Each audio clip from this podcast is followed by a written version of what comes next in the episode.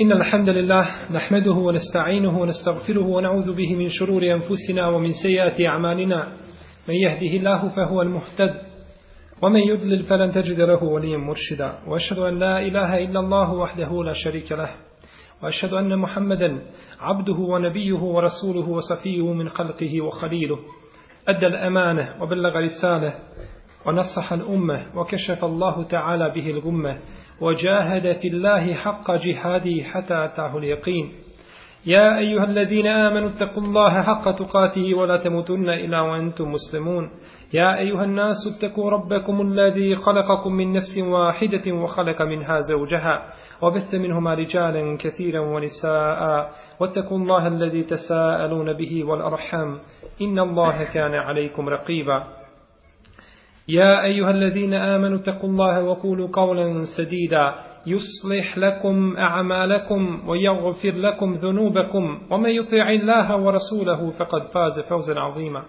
أما بعد فإن أحسن الكلام كلام الله وخل الهدي هدي محمد صلى الله عليه وسلم وشر الأمور محدثاتها وكل محدثة بدعة وكل بدعة ضلالة وكل ضلالة في النار Mi نشم predavanju stali u opisima abdesta poslanika sallallahu alaihi wa alihi wa sallame zadnje o čemu smo govorili bilo je pranje dijelova tijela koji se peru po redu da li je dozvoljeno znači izmjena tog redosljeda i kazali smo da je ispravno da se mora slijediti ovaj redosljed jer nema ništa što navodi da je dozvoljeno znači promijeniti ovaj redosljed a možda ćemo neke posebne detalje vezano za ovo pitanje govoriti u narednom predavanju. Jednostavno, govorit ćemo ono osnovno što je vezano za abdest, pa ćemo onda brojna pitanja ili podpitanja koja se vežu za abdest, koja je neminovno poznavati i neminovno znati, govorit ćemo to u narednom predavanju. Kao pitanje da li je dozvoljeno pričati pri uzimanju abdesta, korištenjem i svaka i slične stvari, znači koje su sporedne jeli, po pitanjima abdesta.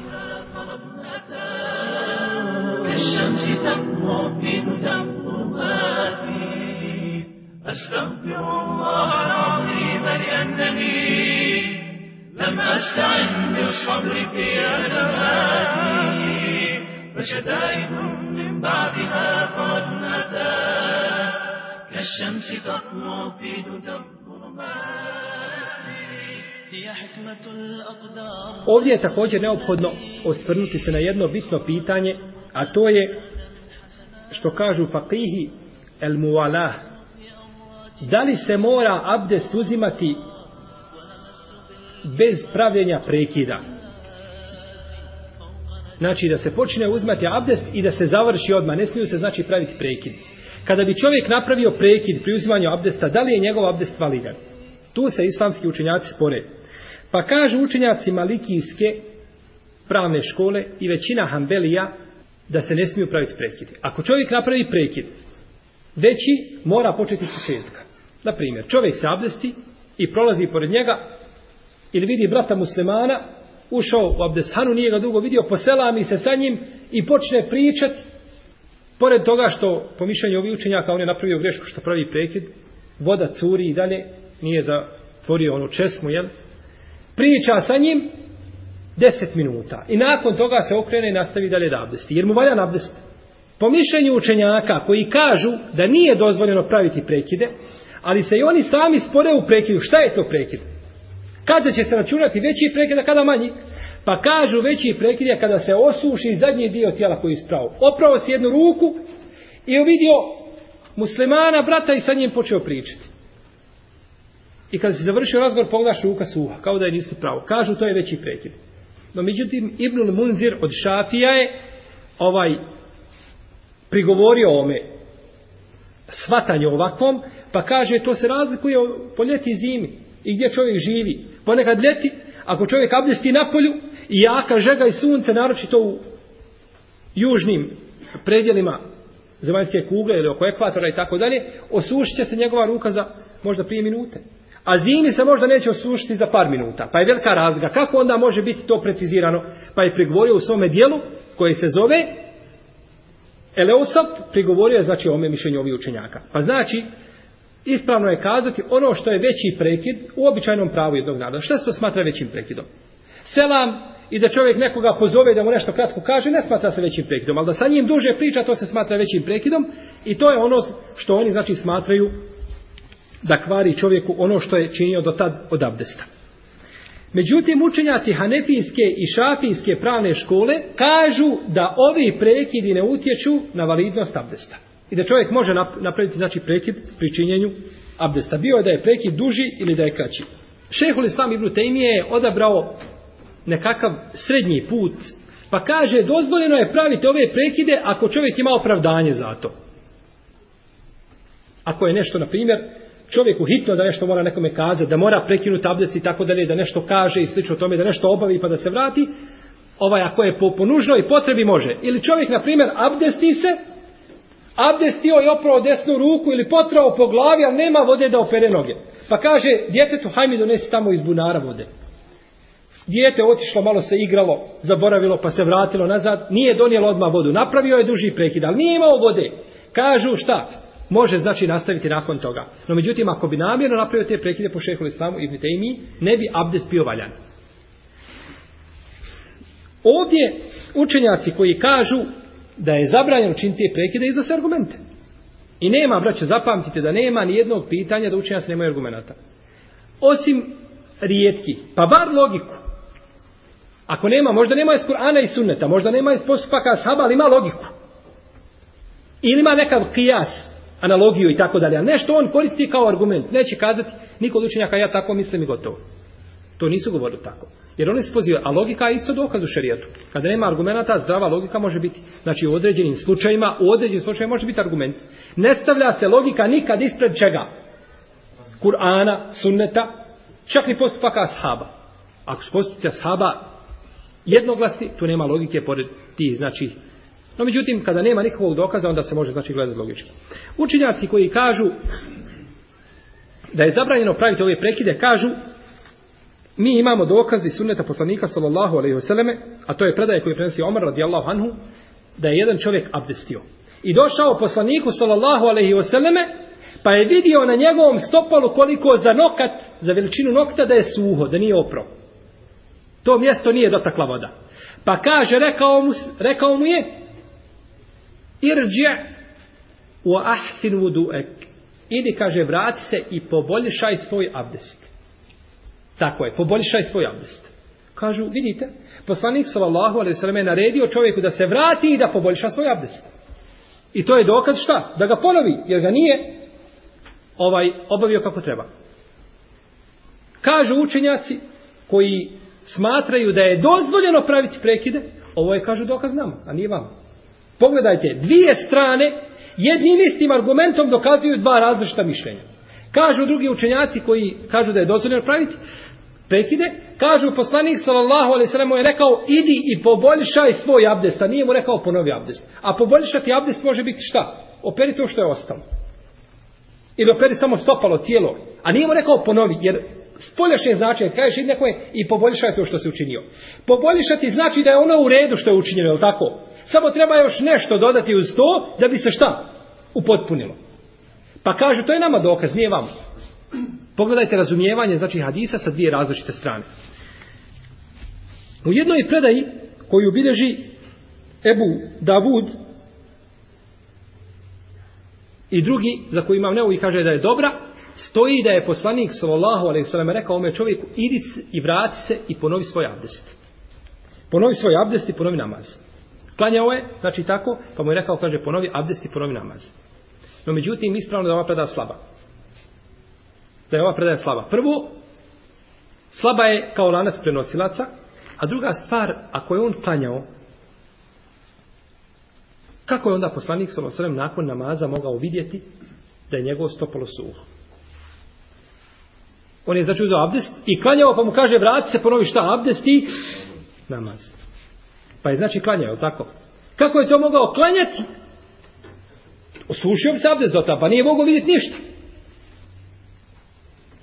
Ispravno je da ova predaja slaba, znači da ne može poslušiti kao argument, nego ispravno prava muslima predaja koji se kaže poboljšaj abdes. A poboljšaj abdes može značiti ovo i ovo, ali kada se gleda samo spoljašnje značenje tog hadisa, prije bi to značilo da je dopuni u potpuni to što se ostavio, znači suhim.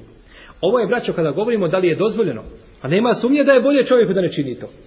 Ali kada bi čovjek rekao ja sam abdestio, učinio prekid, šta ćemo mu kazati? E onda se vraćamo na argumente. No međutim nećemo kazati da je bolje da čovjek čini. Ne, bolje da ne čini. Jer to je bila praksa poslanika sallallahu alaihi wasallam da počne uzimati abdest i da nestaje od pranja ruku do dok ne izgovori dobu. Znači sve bi to znači povezao da to bude jedna cilina. Učenjaci hanetijske pravne škole i šatijske Kažu mi imamo dokaz od ashaba da je dozvoljeno praviti prekid. A to je predaje koju bilježi imam Malik u svojoj Elmuoti, imam El Bejheki u svome sunenu sa lancem prenosilaca na ispravnim lancem prenosilaca. Malik od napije od Ibn Omara. Ne ima ispravnijeg lanca na kugli zemaljskoj po imamu Buhari. Kaže u ovoj predaj ima Malik da je Ibn Omar otišao da se je abdestio i da je došao pred džamiju i da su ga ljudi pozvali da uđe klanjati, pa je potrao, abdestio se, ali nije popirao, oprao svoje noge, niti je potirao po mestama. Pa je potrao po svojim mestama, ušao u džamiju i klanjao u ljudima. U jednoj predaji dženazu da im je klanjao. Abdestio se i došao. Dobro, možda će neko kazati, on se abdestio, ali je možda mjesto gdje se uzima abdest bilo blizu šta? Džamije. Pa to su bile možda sekunde. Samo prišao od mjesta abdesta kod džamije, potrao i ušao. I onda se ne bi smatrao prekid. Kažemo jeste, to je tako, da nije predaje imama El Bejhekija u kojoj stoji, kaže pa je potrao po svojim mestvama nakon što se njegov abdest osušio. Ha, pa je potrao po mestvama nakon što se abdest osušio. Pa ovo ukazuje znači da je Ibn Omar napravio ovdje znači jedan ipak jedan ipak prekid. Znači ako bi čovjek napravio duži ili kraći prekid pri uzmanju abdesta, njegov abdest je bio šta? Ispravan bio bi mavdes ispravan, ali je bolje to čovjeku da čini jednostavno da iziđe, znači, iz ovih, iz ovih razilaženja. U ovim prekidima pri uzimanju abdesta nisu vidjeli smetnje Ibn Omara, Tata, U, Sejdinu, Musejib, Hasan el Basri, Ibrahim el Nehaj, Sufjane Ceuri, Imam Buhari, Ibn Munzir i drugi. Nisu, znači, vidjeli smetnje da se ovo da se ovo čini i ovo je mišljenje većine islamskih pravnika. Većina islamskih pravnika kažu da nema znači smetnje. Znači zaključak pitanja ne smeta čovjeku da napravi manji ili veći prekid, ali je bolje da to ne čini.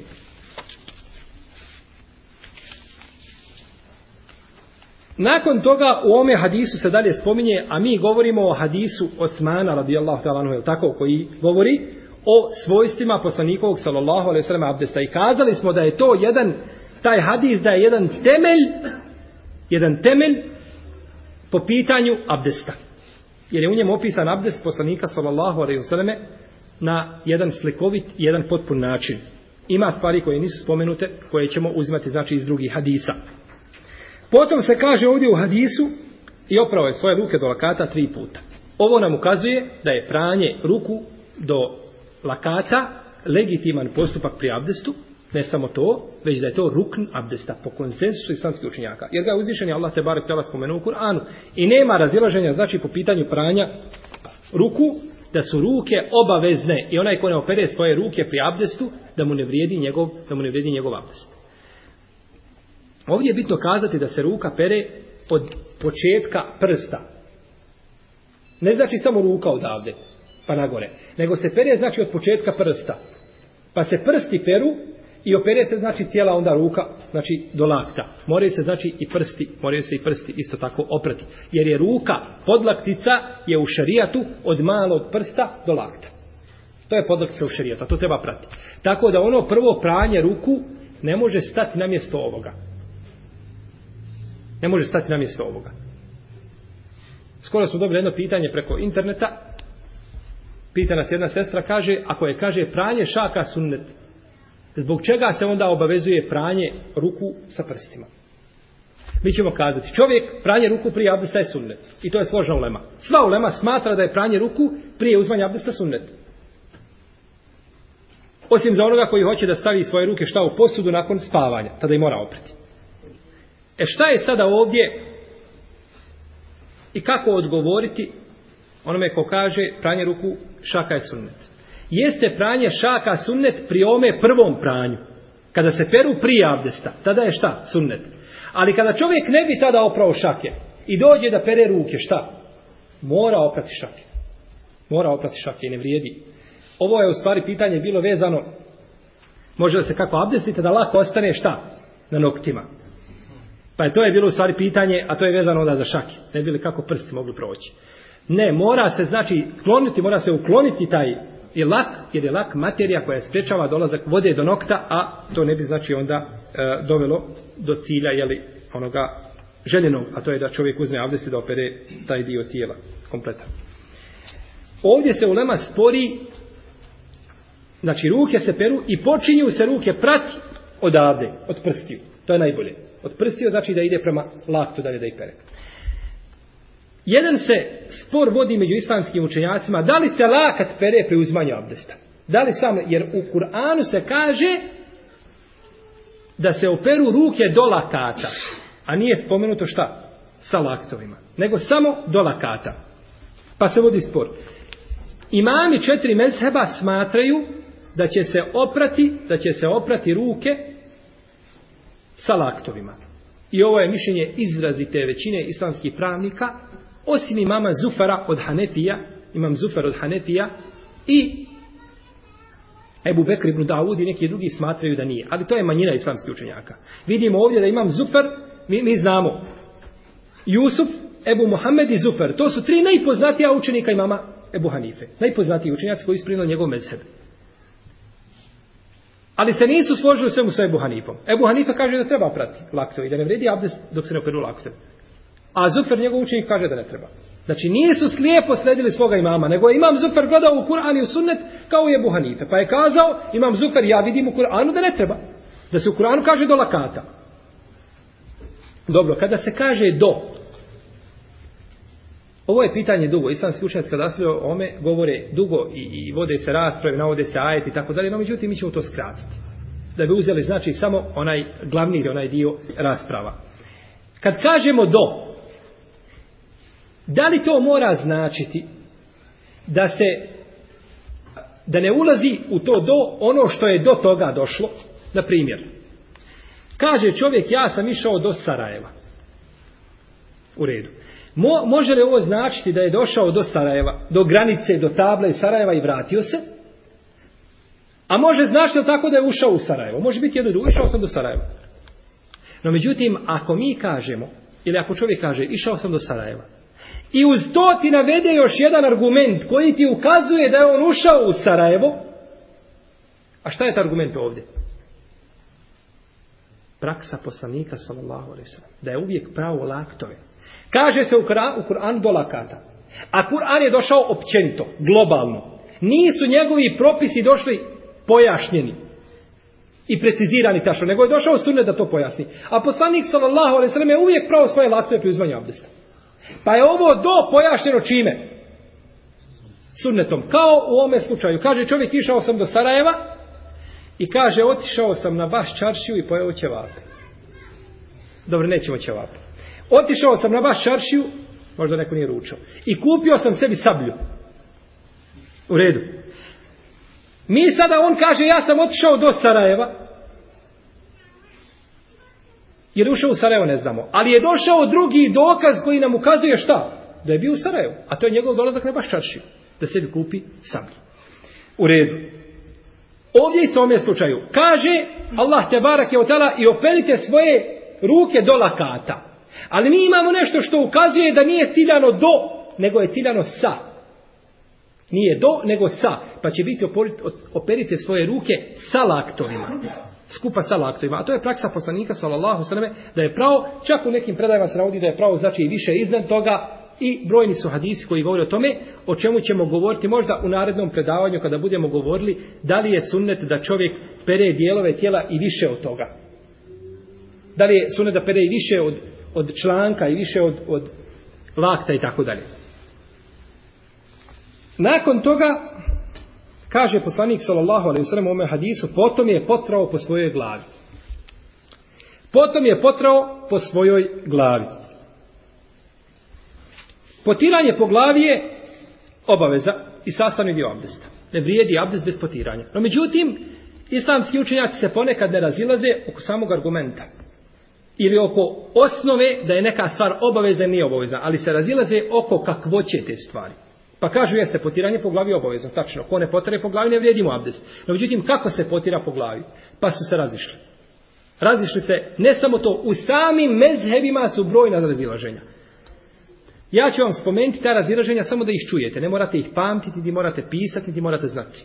To je stvar, samo da čujete, da vidite koliko u samom mezhebu ima razilaženja po jednom pitanju. Pa kažu učenjaci šafijske pravne škole, ili od imama šafije se prenosi da je dovoljno potrti samo nekoliko dlaka. Samo ovako čovjek da rukom pređe malo do, tokači par dlaka, u redu je. U drugoj se predaji prenosi da je dovoljno tri dlake. Tri dlake ako potre gotovo, jer to je potiranje. I desilo se potiranje. Allah azuđer kaže potarite. Gotovo. Kaže ja sam, to je potiranje. Najmanje što smatra potiranjem, potiranje. I treći rivajet od imama šafije da se potare cijela glava. To je znači šafijska pravna škola. I kod nje je ispravno najjače mišljenje da treba potrati ono što se smatra potiranjem. Ako potereš onom, onako e, kao što se smatra običajnom pravu da je potiranje, to je znači bilo, to bi bilo potiranje po šafijskoj pravnoj školi. Ima još jedno mišljenje u kome se kaže da ne treba potirati manje od nasije. A nasije je ovaj ovdje prednji dio kika. Ta kika, taj prednji dio koji Allah te bar spominje u Kur'anu, To je prednjivio, kaže, ne smije manje od toga, ne treba manje od toga. Ovo je mišljenje imama Begavija od Šafija, od učenjaka Šafijske pravne škole, imam Begavi koji je umro 516. 516. i 3. godine. Kod imama Malika ima nekoliko mišljenja. Najjače i najpriznatije je da treba potrati cijelu glavu. Najjače je da treba potrati znači cijelu glavu. Drugo je mišljenje da treba potrati najmanje dvije trećine glave. Treće je mišljenje da treba potrati najmanje trećinu glave. I četvrto mišljenje da treba potrati bar kiku, nasi ovu. Kod Hanefija imate tri, tri predaje. I Hanefijski učenjaci, kod njih je nekako najbliže, ove predaje su nekako najbliže jedna drugoj. Kod ovih vidimo razlika. Trećina, dvije trećine, kika, velika razlika. Dok Hanefije kažu ne, treba ili četvrtinu glave, to je najpoznatije po Ebu Hanife. Ili za tri prsta, I to je negdje tu, možda malo manje, ili kiku. Pa je znači, kod Anefija otprilike, znači četvrtina glave da se potira. A što se tiče imama Ahmeda, kod nje imaju dva rivajeta, jeste potiranje cijele glave i potiranje većinskog dijela glave. Cijelo glave ili potiranje većinskog dijela glave. Pazite, ispravno je po sunnetu poslanika, sallallahu alaihi wasallam, da se potare šta? Cijela glava.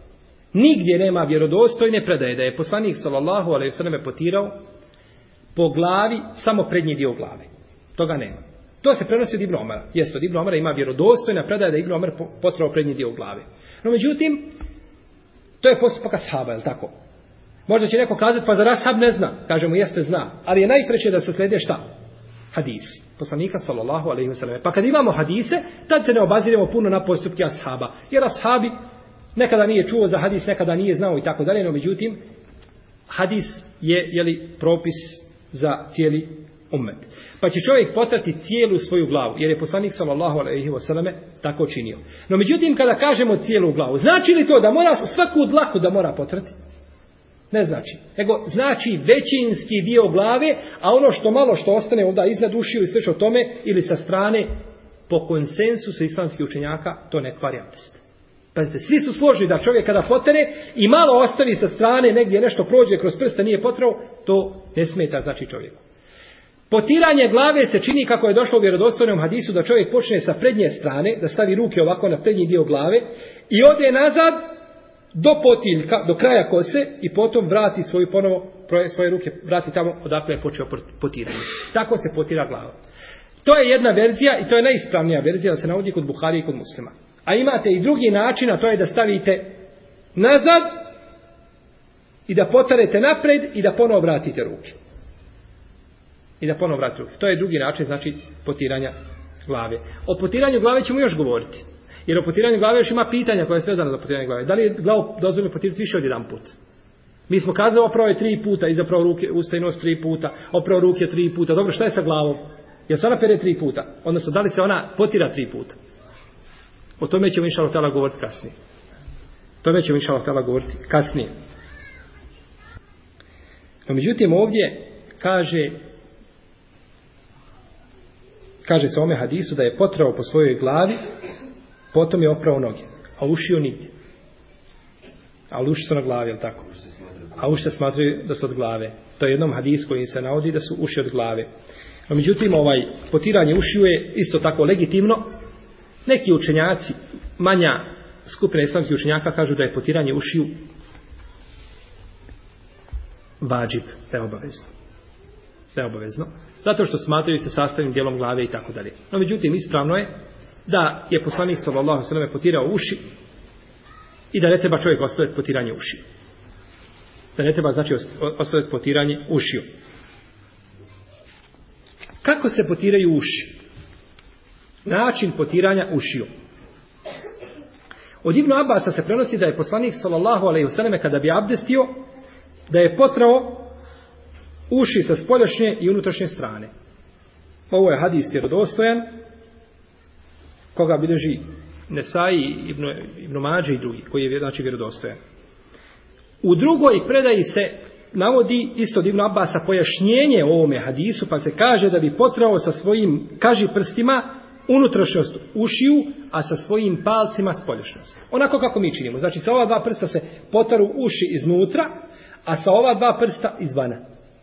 Potiranje, pazite. Znači, ovo nije pranje. Neko uzme uši pa pere, pa pere, pa pere. Nije uši se ne peru, uši se potiraju. Glava se potira. Dobro, kad bi čovjek opravo glavu, bilo valjao abdest. Ne imaš šta kaže ulema. Opere glavu. Ulema kaže da je ispravan abdest, ali on ružno postupio. Jer, braće, pogledajte Allahove milosti. Operete ruke, operete lice, ali potarete glavu. Šta mislite da je Allah te barek i otala kojim slučajem rekao i operete glave? Znate li vi koja bi to poteškoća za čovjeka bila? Ne bi Allah dželevala može to propisati ljudima. Ali kakva je milost Allaho je opereš, opereš, a tamo gdje ne može, potareš. Pogledajte milosti. Ne samo to, čak od nogu gdje je blaže, ali što kaže, pa potareš po nogama. Jeli, po, po mestama i tako da, o čemu ćemo inša Allah htjala posebno govoriti kada dođe pitanje mestri. No međutim, pogledajte, samo jedan propis na kome trebamo lažu ženu zahvaljivati. Što nas nije obavezao, kad god uzimaš abdest da moraš oprati glavu.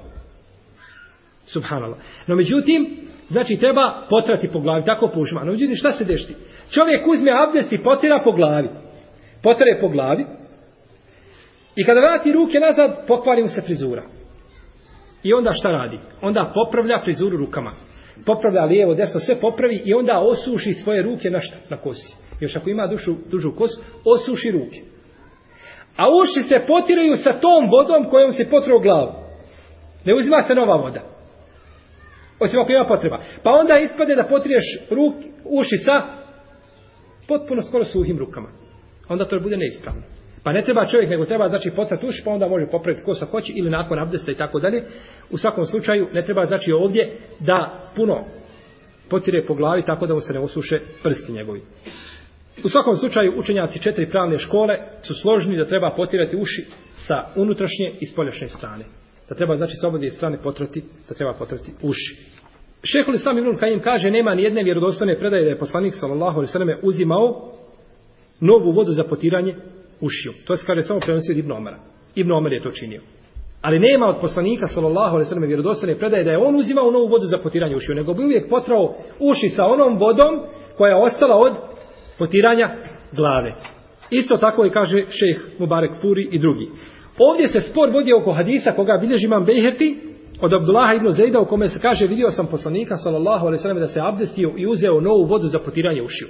Možete je kazati pa dobro gdje je onda zbog čega je spor? Evo zbog čega je spor. Ima hadis da je Abdullah ibn Zejd vidio poslanika sallallahu alejhi kako potire uši sa novom vodom. Kaže imam Behki ovaj hadis je ispravan i kaže imam Nevovi da je ispravan. I to su šafijski učenjaci. I Behki i i Nevovi. Ponekad moramo braćo kod ocjene hadisa moramo praz, moramo znati učen, jedan učenjak kaže da je taj hadis slab. Imam Begavi kaže da je hadis slab. Ili Ibn Abdul Ber. Ili kaže imam uh, Ibn Ređep i tako dalje. Ponekad moraš znati kog je mezheba taj učenjak. Ne da je on slijedio taj, nego možda su učenjaci tog mezheba prihvatili taj hadis. Ali ako dođe još neko iz drugih mezheba pa potvrdi vjerodostojnost tog hadisa, onda to biva još jače. No međutim, ispravno da je ovaj hadis slab, da je izniman, da je šaz. I mnogi islamski učenjaci su mu pregovorili. Mnogi islamski ha, pravnici hadijski, znači slučajnici su pregovorili o ome hadisu. I znači, ispravno je da je ovaj hadis nije vjerodostojan. Ovdje kada se potiru uši, neophodno je spomenuti potiranje vrata. Odnosno, bolje kazati na propust i promašaj i grešku koju čine mnogi klanjači, a to je potiranje šta? Vrata, pri uzimanju abdesta po ome pitanju islamski pravnici imaju dva mišljenja. Većina hanefijski i neki šafijski pravnici kažu da se vrat potire i da je to lijepo učiniti. Oni kažu ponekad da je sunnet, neki kažu, neki kažu da je to od etike abdesta. Adab. Od etike abdesta da je to lijepo da se potare. Dok drugi pravnici smatraju da to nije ispravno činiti za to nemaju validni argumenti u sunetu poslanika sallallahu alaihi wa sallam. Oni koji kažu da se vrat potire, oni kažu potaru se uši a potom sa ova tri prsta sa spoljašnjim znači dijelima ovih prstiju potire se vrat pošto ova voda nije korištena ovo je sve iskorišteno za potiranje glave dlan, i potom za potiranje ušiju pa su ostala ova tri prsta šta? jer kad potirete uši s ovim ponekad i ovo dođe do ušiju unutra, tako. Pa je ostalo na kraju, znači samo ova tri prsta i to s ove strane, kaže to nije korišteno, pa se zbog toga potira. Ako neko pita, dobro, zbog čega sa ova tri? Da zna, zato što ta voda tu nije korištena. To je čisto, pa kažu, s otim se onda potre vrat. Tako kažu. No, međutim, u sunnetu nema validnog argumenta koji ukazuje. Znači, njema, njihov argument je ovdje logika. Logika da kažu tako se čini, ali u sunnetu nema ništa što ukazuje na to, Šehol sam Ibn Taymiyyah u svojim fetvama kaže nema ni jednog ispravnog hadisa da je poslanik sallallahu alejhi ve sellem potjerao svoj brat pri uzmanju abdesta, isto ovo kažu Ibnul Kajim, Imame Neovi, Ešeufjani, Ebu Paib Abadi i stalna komisija za islamsko misionarstvo uh, eh, Elržetu Daime, jeli, koja je danas radi djelo u Saudijskoj Arabiji. Znači, nema validnog argumenta.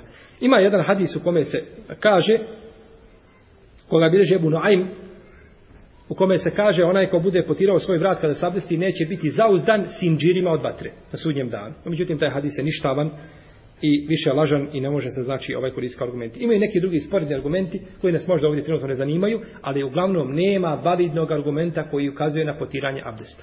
U redu. Ako čovjek potere po vratu, kažemo to nije od abdesta. Je li pogriješio? On nije učinio ono što je sunet, ali je li pogriješio? Je li napravio prestup?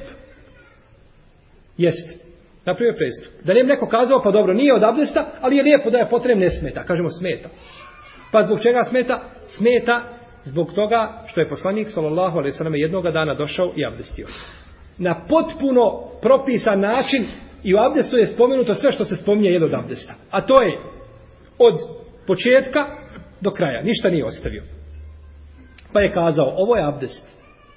Ako doda na ovo, pazite, hadis bilježe Budavud sa dobrim lancem prenoslaca. Ako doda na ovo, ružno je postupio, granicu prekoračio i nepravedan je. Pazite hadisa. Ja sam se abdestio. Ako doda na ovo, potirati vrat, potirati ispod pazuha, ne znam, nije bitno gdje. Ko doda na ovo, ružno je postupio, granicu prekoračio i nepravdu je učinio. Pa znači, onaj ko tako učini, on šta? Prelazi granicu i čini nepravdu i znači ružno postupa. To je po riječima poslanika sallallahu alaihi sallam. Zato kažemo, nije dozvoljeno čovjeku nikako da potira vrat pri uzmanju abdesta. Potari vrat nakon abdesta, ne smeta. Nakon abdesta potari koliko hoćeš, to je tvoje. No, međutim, za vrijeme abdesta ne treba čovjek dodavati ništa, jer to uđe u abdest. Pa mi vidimo danas, kada se govori o abdestu, onda se crtaju slike kako se abdesti između ostalog je nastalo šta? Potiranje vrata. Pa ljudi taj, taj svoj nekakav običaj ili to svoje što smatruju lijepim stave u ibadet. I onda tu se desi zlo. Tako da ne treba znači potirati vrat pri uzimanju abdesta. Također od sunneta je da se pri uzimanju abdesta prođe pri pranju ruku prođe prstima između prstiju. Da se prođe znači prstima između prstiju i da se očiste znači ovaj ovdje dio. Znači da se očisti ovaj ovdje dio koji zna često, ovaj može ili ostati suh, ili može tu se nakupiti nešto od neprijatnosti i tako dalje, pa može znači ostati prljavštine i slično tome pa da to čovjek ne očisti, zato će znači prstima proći znači kroz prste. I ovo je stav učenjaka četiri pravne škole. Znači učenjaci četiri pravne škole su složni da je lijepo čovjeku da tako postupi. I pri tome se pozivaju na hadisa poslanika sallallahu alejhi ve selleme između ostali hadis u kome poslanik sallallahu alejhi ve selleme kaže upotpuni jednom od asaba, upotpuni svoj abdest, prođi prstima između prstiju. A u drugom hadisu stoji da je poslanik sallallahu alejhi ve sellem rekao: Uspjeli su oni koji čiste između svojih prstiju pri uzimanju abdesta. No međutim oko ovoga hadisa postoji razilaženje. Spor. Jedni kažu da je vjerodostojan, drugi kažu da je slab. Allah najbolje zna, no međutim ovaj prvi hadis je sigurno ovaj jak argument. Ovdje se kaže prođite prstima između prstiju. O, u redu. Da li se to odnosi na ručne i na nožne prste? Kada govorimo već o prolaženju između prstiju, možemo spomenuti ako nismo radili, znači još pranje nogu, no međutim, u hadisu se kaže neka prođe prstima između prstiju. To se odnosi i na ručne i na nožne prste. Jer su to prsti i jedni i drugi. I to je došlo u hadisu Ibn Abbas, u kome je poslanik sallallahu alejhi ve kaže kada se budeš abdestio, prođi između prstiju, ruku i nogu. Jasno, znači, drugi hadis koji je pojasnio da se to odnosi, znači, i na ručne i na nožne prste. I u predaji, u steuri da Ibn Šeddada, stoji da je rekao, vidio sam Allahovog poslanika, sallallahu sveme, kada se abdestio, prošao je malim prstom između nožnih prsta. Malim prstom između nožnih prsta. Isto se to prenosi i od Osmana, radijallahu ta'ala, anhu. U redu. Kojim se to prstom prolazi između nožnih prstiju? malim, jeste i to je došlo u vjerodostojnom hadisu, malim, ali prstom koje ruke, desne ili lijeve? To nije došlo u hadisu. Nije došlo u hadisu, nego to se zaključuje, znači, iz pravila da je desna ruka za lijepe stvari, a da je lijeva ruka za uklanjanje neprijatnosti, čišćenja posle nužde i sl. tome. Zato je lijeva, znači zato se koristi lijeva ruka. I veliki dio islamskih han, učenjaka, hanetijskih i drugih pravnika su prihvatili ovu analogiju. Kažu da je ta analogija ispravna i ona ima potporu hadisma poslanika sallallahu alaihi wasallam kao hadis Ajše u kome kaže Allahu poslanik sallallahu alaihi wasallam je koristio svoju desnicu za, čišće, za čiste stvari pri jelu i piću, a lijevu za čišćenje posle nužde i za otklanjanje neprijatnosti prljavštine. Hadis jasan, je li tako? Da je lijeva za otklanjanje prljavštine i neprijatnosti. Hafsa radijallahu ta'ala anha kaže Poslanik sallallahu alejhi ve sellem je koristio svoju desnicu za jelo, piće i oblačenje, a svoju levicu za sve mimo toga. Znači ovo isto ukazuje da će se znači to činiti lijevom rukom. A kada se znači kod ručnih prsta to se čini što će se isprepletati ovako prsti. Znači da se ovako čini, znači neće se prolaziti jednim prstom, nego se ovako prsti znači prepliću i onda se tako znači opere to što je između jeli, prsta. Jer sama kakvoća što se tiče ručnih prsta nije došla. Jel? Isto tako sunnet je čovjeku kad pere lice da, da prođe svojim prstima kroz bradu. Kroz bradu da prođe znači sa prstima. Prenosi se od poslanika sallallahu alaihi vseleme da se abdestio i prošao svojim prstima kroz bradu i rekao ovako mi je naredio moj gospodar. U stvari prenosi Osman da je poslanik sallallahu alaihi vseleme prolazio svojim prstima znači kroz bradu. Neki učenjaci nisu prihvatili ove hadise, ali ispravno da su oni vjerodostojni sa mnoštvom puteva preneseni kao hadis Enesa koji prenosi različita puta i drugi hadisi i drugi ashabi prenose te hadise tako da je ta praksa inšalama tela utemeljena u sunnetu poslanika sallallahu alaihi wa alihi wasallam. Ovo bi znači bilo ovo bile samo neki sporedni propisi koji su bili vezani za pranje znači lica o kome smo znači već prije toga govorili. Ponekad ćemo neke stvari znači govoriti iako nisu na mjestu na kome bi trebali da govorimo o njima, ali jednostavno da bi se mogla shvatiti ona znači osnovna stvar, a to je način uzmanja abdesta, a sporedna pitanja će ovako ponekad znači spomenuti mimo toga. U svakom slučaju mi ne možemo, nemoguće je svojstva poslanikovog sallallahu sallam abdesta pojasniti ni u jednom, ni u dva, ni u tri, ni u pet predavanja. To bi trebalo cijela serija i ciklus predavanja se može napraviti jer oko abdesta imaju brojna pitanja koja mi nećemo nikako spominjati ni ćemo znači prići njima ali ići ćemo znači ovako korak po korak pojašnjavajući znači jedno po jedno pitanje a onda ćemo na kraju ostaviti znači vremena uvijek za pitanje da se postave u vezi onoga o čemu se govorilo tako da se u potpuni ponekad možda meni nešto prođe da ne spomenem a neko se od vas sjeti pa ću pitati tako ćemo znači u potpuni znači ono o čemu smo pričali u svakom slučaju ovim bismo završili znači potiranje po glavi i po ušima a ostalo nam je znači nakon toga još pranje nogu i brojna pitanja koja se vezu za, šta, za sami abdest koja moramo spomenuti, preko koji znači ne možemo tek tako jednostavno preći. Pa ćemo inša Allah na svetu našem narodnom predavanju. Allahu te ala anem, wa sallim lahom ala nebina Muhammedu, ala alihi wa sallim ajin, wa jazakum ala khairu jazakum.